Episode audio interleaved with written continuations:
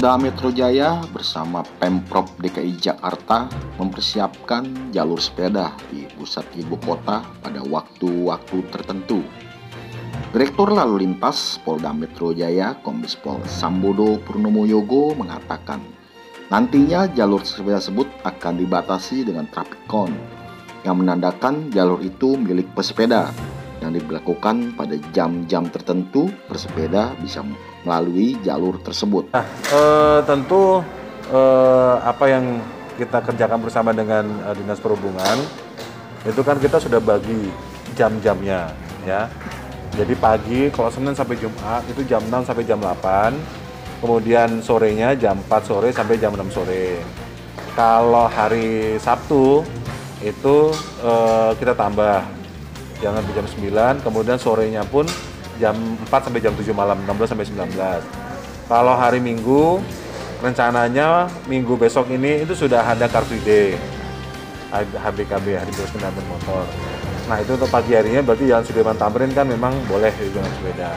Nah untuk malamnya itu juga dari jam eh, 16 sampai dengan jam 19 hari Minggu. Tapi nanti kita kita evaluasi terus. Artinya kalau memang eh, jamnya apa namanya pesepedanya setelah jam 8 masih banyak, mungkin saja kita akan tambah waktunya.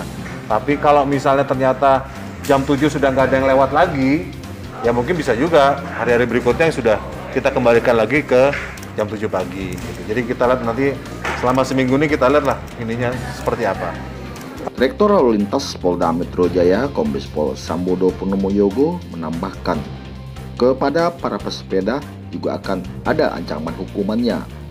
Artinya, kalau di jalan itu ada jalur sepeda, kemudian dia di, bisa dipakai, ancaman hukumannya dengan pasal 299 Undang-Undang Lalu Lintas dan Angkutan Jalan dapat dikenakan denda sebesar 100.000 dan ancaman kurungan penjara selama 15 hari.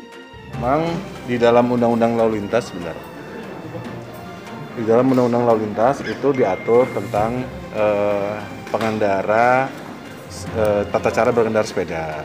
Artinya di situ disebutkan bahwa bagi pengendara yang eh, pengendara kendaraan tidak bermotor itu tidak boleh menggunakan jalan lain yang selain digunakan untuk dia. Artinya selama di jalan itu ada jalur sepedanya, maka si pesepeda tersebut itu harus menggunakan jalur sepeda.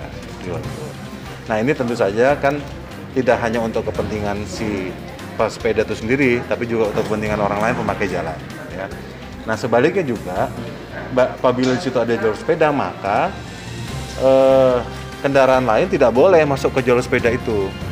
Kalau kendaraan lain tidak masuk sepeda, selama sepeda itu misalnya ada markanya yang ada seperti sekarang ini, maka itu adalah pelanggaran marka. Itu kan markanya tidak terputus dan ada petunjuk marka sepeda. Itu makanya pelanggarannya 287 ayat 1. Ancaman hukumannya 500 ribu atau dua bulan kurungan.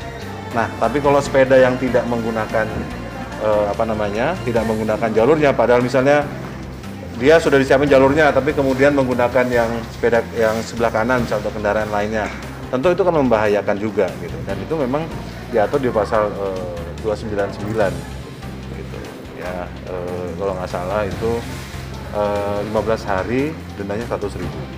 Itu kan bagi pengendara kendaraan tidak bermotor Selama masa PSBB transisi di DKI, jalur sepeda sengaja dipindahkan dari trotoar ke bahu jalan untuk sementara demi mencegah kerumunan Pemprov DKI sendiri telah menyiapkan jalur sepeda sepanjang 14 km. Dari Jakarta, Edi Soroso melaporkan.